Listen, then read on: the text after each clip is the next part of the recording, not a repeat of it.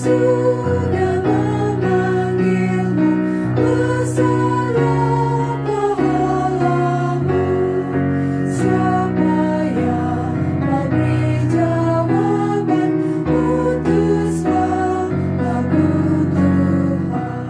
bersama Radio Advent Suara Pengharapan mengikuti pelajaran Alkitab melalui audio Sekolah Sabat. Selanjutnya kita masuk untuk pelajaran hari Rabu, tanggal 4 Oktober.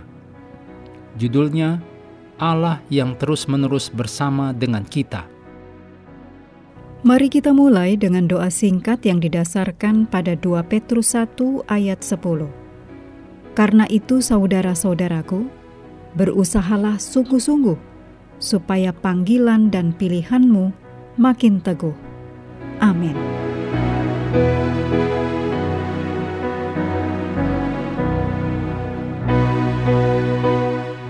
Kehidupan dan pelayanan Yesus adalah pernyataan Allah yang utama. Kurang lebih tiga tahun, Allah telah berhasil menyatakan lebih jauh lagi tentang siapa dirinya dan apa sesungguhnya misinya itu dibandingkan dengan semua yang telah Allah lakukan melalui metode-metode lainnya pada generasi-generasi sebelumnya. Kristus adalah gambar Allah yang tidak kelihatan, karena seluruh kepenuhan Allah berkenan diam di dalam Dia. Sesudah Ia mengadakan pendamaian oleh darah salib Kristus. Ditulis dalam Kolose 1 ayat 15, 19, dan 20. Dalam Kristus, sifat misionaris Allah benar-benar diperkenalkan. Yesus sendiri menyatakan misinya dengan berkata, "Sebab Anak Manusia datang untuk mencari dan menyelamatkan yang hilang." Ditulis dalam Lukas 19 ayat 10. Yohanes 3 ayat 16 Karena begitu besar kasih Allah akan dunia ini, sehingga ia telah mengaruniakan anaknya yang tunggal, supaya setiap orang yang percaya kepadanya tidak binasa, melainkan beroleh hidup yang kekal. Refleksikan ayat ini dengan sungguh-sungguh, agar dapat melihat kasih dan misi Allah yang saling berinteraksi dalam ayat ini. Kemudian dalam pelayanannya, ketika Yesus mendekati pekan terakhir hidupnya, nasib akhir umat manusia dipertaruhkan. Peristiwa-peristiwa yang terjadi selama hari-hari itu menghubungkan harapan dari masa lalu dengan harapan masa depan.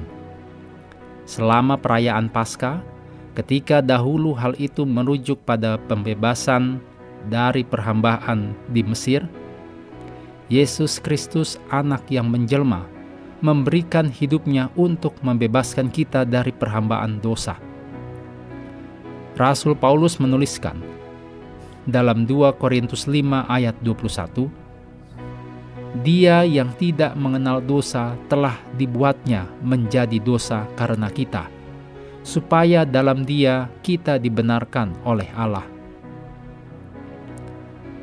Dalam Matius 28 ayat 18 sampai 20 ada janji dalam perintah agung tersebut yang memberikan kepada kita keyakinan ketika kita terlibat dalam misi Allah, yaitu Aku menyertai kamu senantiasa sampai kepada akhir zaman. Kematian Kristus adalah bagian dari proses pendamaian dan bukan akhir dari pendamaian itu. Melalui kebangkitannya, Yesus menaklukkan dosa dan menerima segala kuasa di sorga dan di bumi.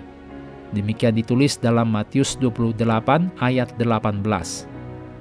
Berdasarkan kenyataan ini, Yesus kemudian memerintahkan semua pengikutnya untuk menjadikan murid di seluruh dunia dengan satu janji yang mengagumkan yang ditulis dalam Matius 28 ayat 20 Aku menyertai kamu senantiasa sampai kepada akhir zaman.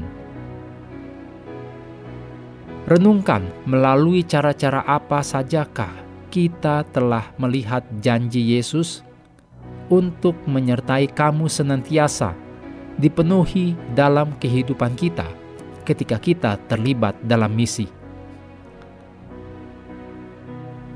Mengakhiri pelajaran hari ini, mari kembali ke ayat hafalan, Kejadian 3 ayat 9.